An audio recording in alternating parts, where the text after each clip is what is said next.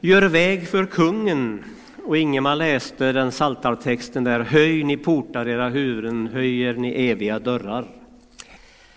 Och det där är ju en modern variant, gör väg för kungen, för bered en väg för Herren. När jag var fyra, fem år så skulle kung Gustav den sjätte Adolf komma till Vårgårda. Och en del som har minnet i behåll kommer förmodligen ihåg det här. Hur det planerades, hur det ordnades, hur det grejades framme i centrum av Vårgårda där gamla apoteket låg och handelsföreningen och Anderséns café och konditori och Vårgårda järnhandel. Och eh, barn var utkommenderade kanske och hade fått små flaggor, Sverigeflaggor från söndagsskolans förråd i Missionskyrkan som man hade när man var ute och marscherade. Man hade lånat den stora röda mattan som låg i mittgången på gamla kyrkan och rullat ut för att kungen skulle slippa gå på gatan. Och eh, musikkåren Excelsior hade övat i flera år inför det här att kungen skulle komma. Så man eh, hade verkligen berett möjligheterna för kungen att komma in i Vårgårda. Och man ville ge kungen en sån här riktig helhetsupplevelse av Vårgårda. Så när han låg på sin dödsbädd nere i Sofiero ett antal år senare så skulle han kunna säga så här, tack gode Gud för att jag fått vara kung i Sverige och för att jag fick besöka Vårgårda. Och det var planerat för man hade redan kallat gatan för Kungsgatan så det var klart. Men så sa någon att nu blir det Eriksgata. Och jag som bodde på Kungsgatan tänkte, ska jag flytta till Eriksgatan eller vad det är frågan om? Men så fick jag reda på vad en Eriksgata var när kungen besökte olika sammanhang.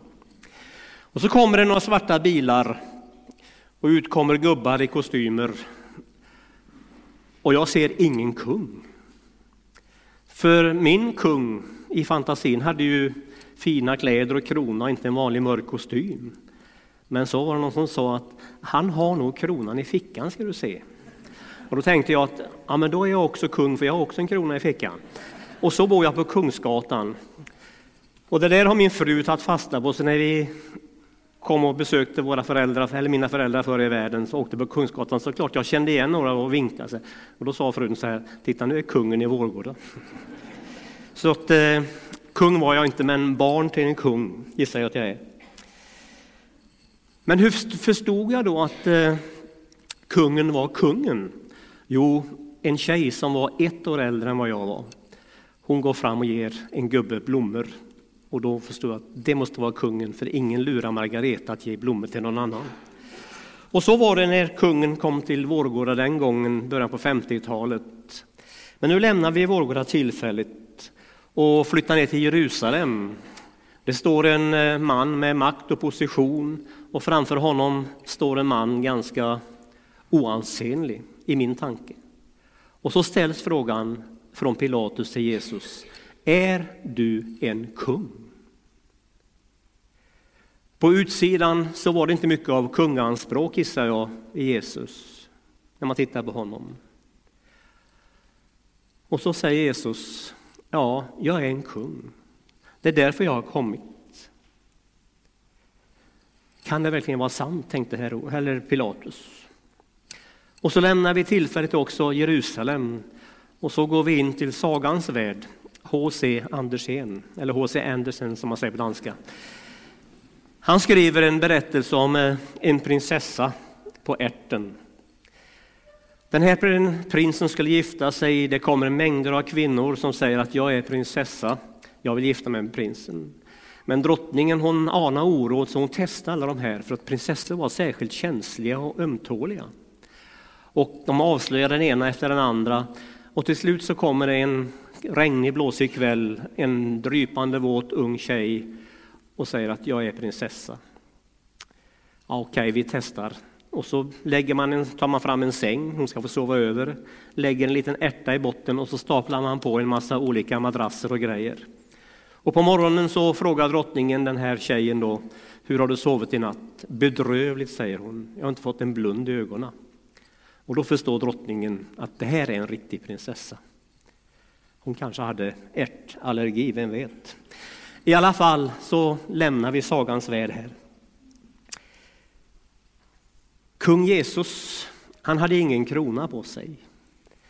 Och han hade förmodligen inte sovit i en ärtsäng. Men Pilatus upplever att det måste ju vara något speciellt med den här mannen. Och så kommer Pilatus fru fram och säger för den här mannens skull så har jag haft mardrömmar i natt. Du ska inte befatta dig med den här mannen. Hon ägde en slags, genom drömmen, fått en andlig klarsynthet.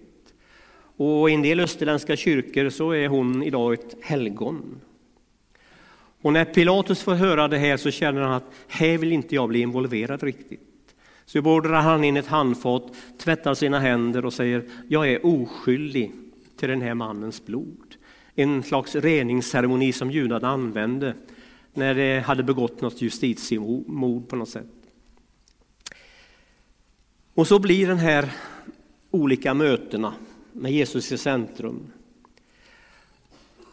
Fortsätter och judarna frågar hur länge ska du hålla oss i ovisshet? Om du är Messias, så säg det öppet, sa judarna.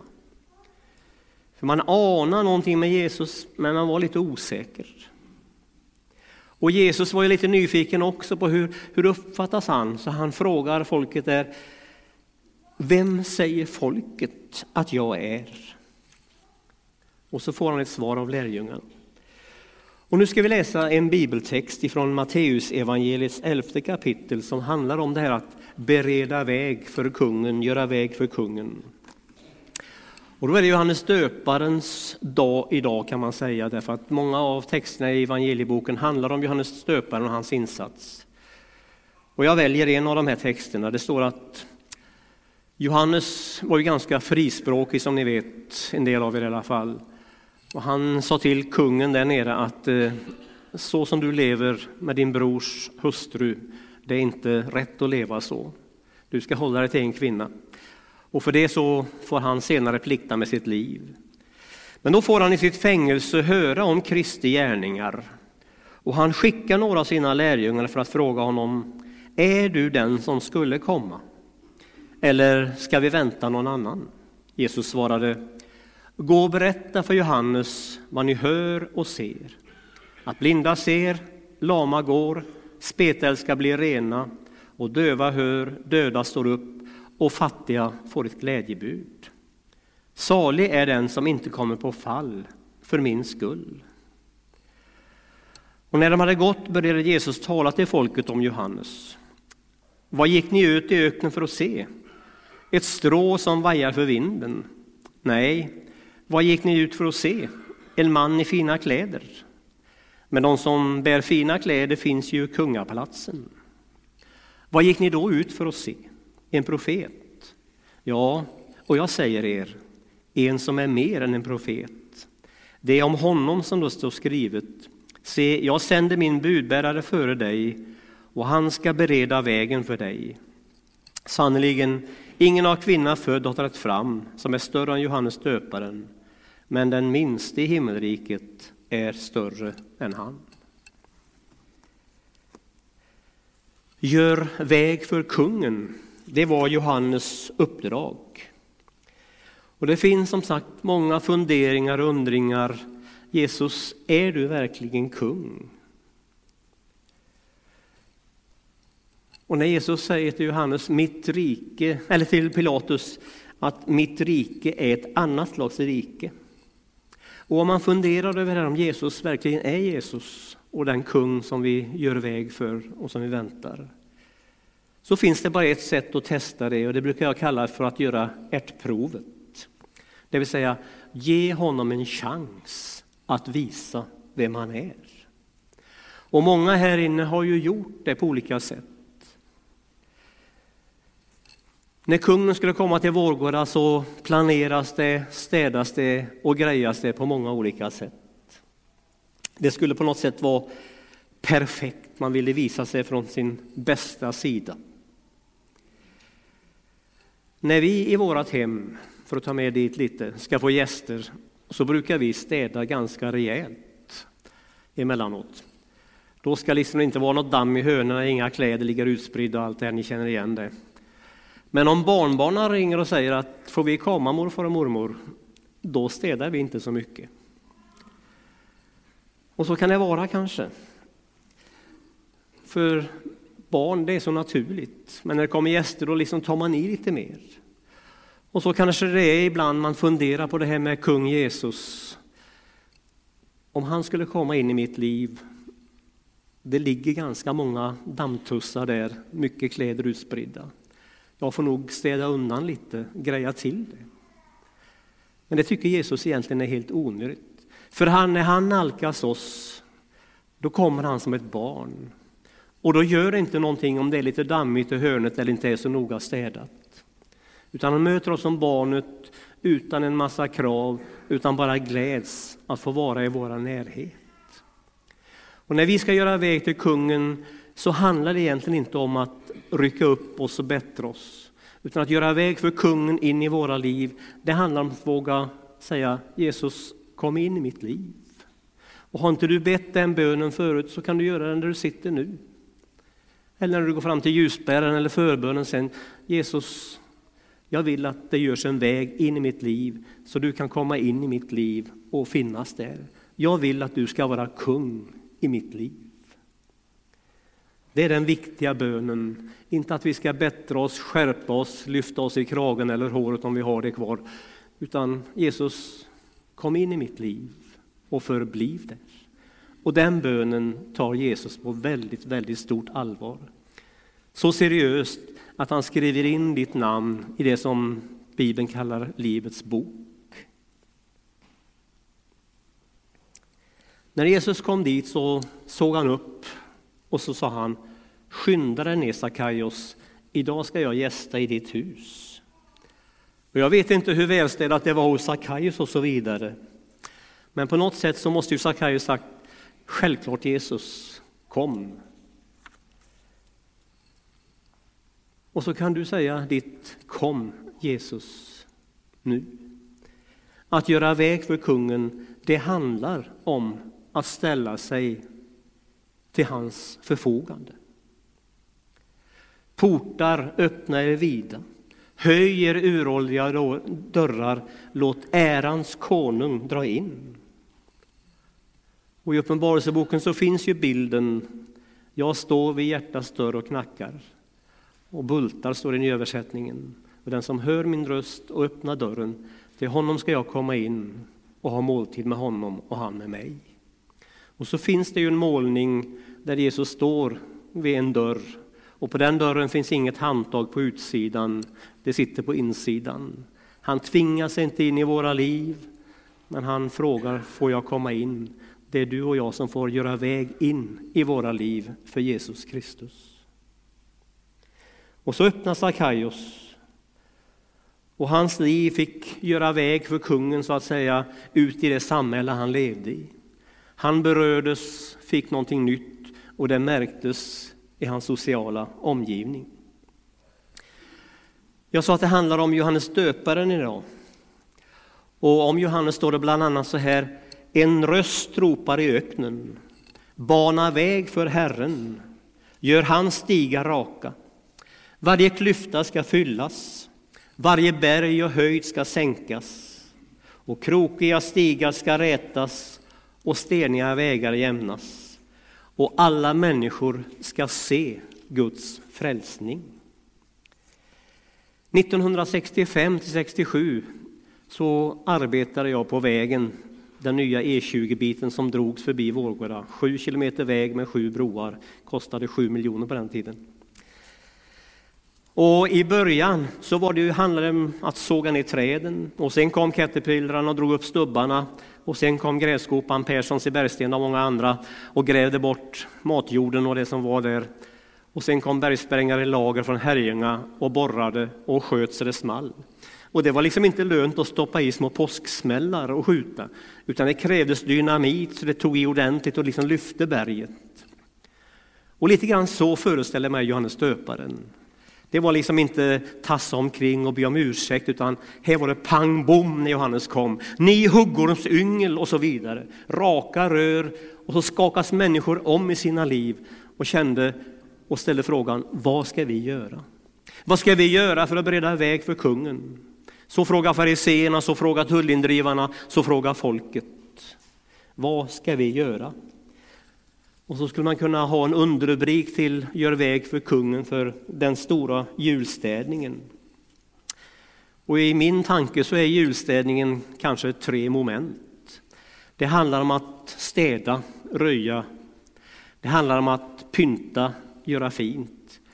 Och förhoppningsvis handlar det om att kunna mötas till gemenskap och uppleva någonting tillsammans med andra.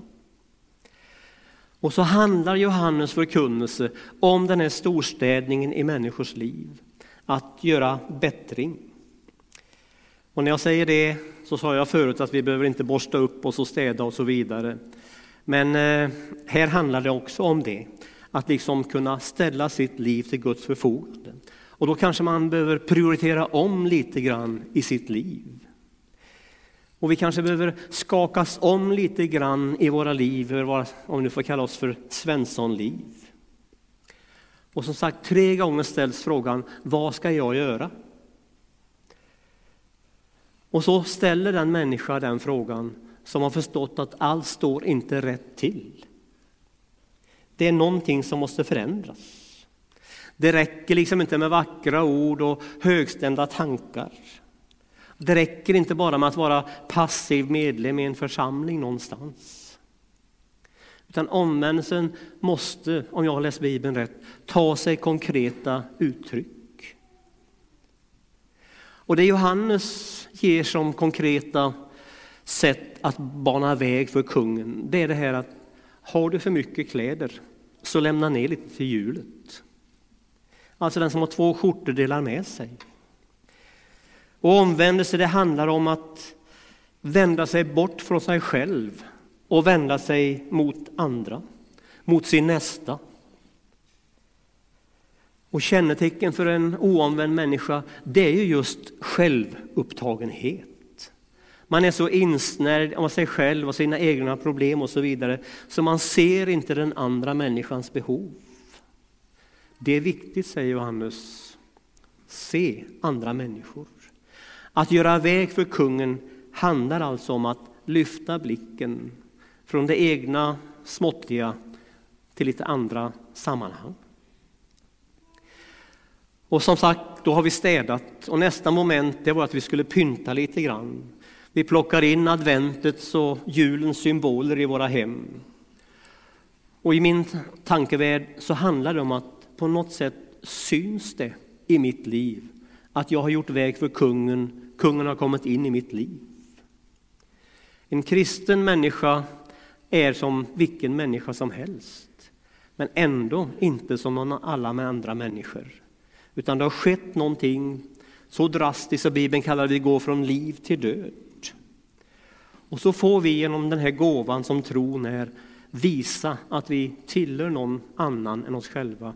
Vi har fått en ny kung på vår tron. Vi har berett väg för kungen.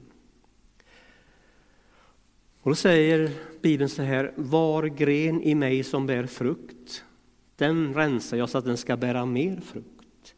Alltså, det är inte oväsentligt hur vi lever som kristna. Vi kan inte avskärma tron från det som är våran vardag.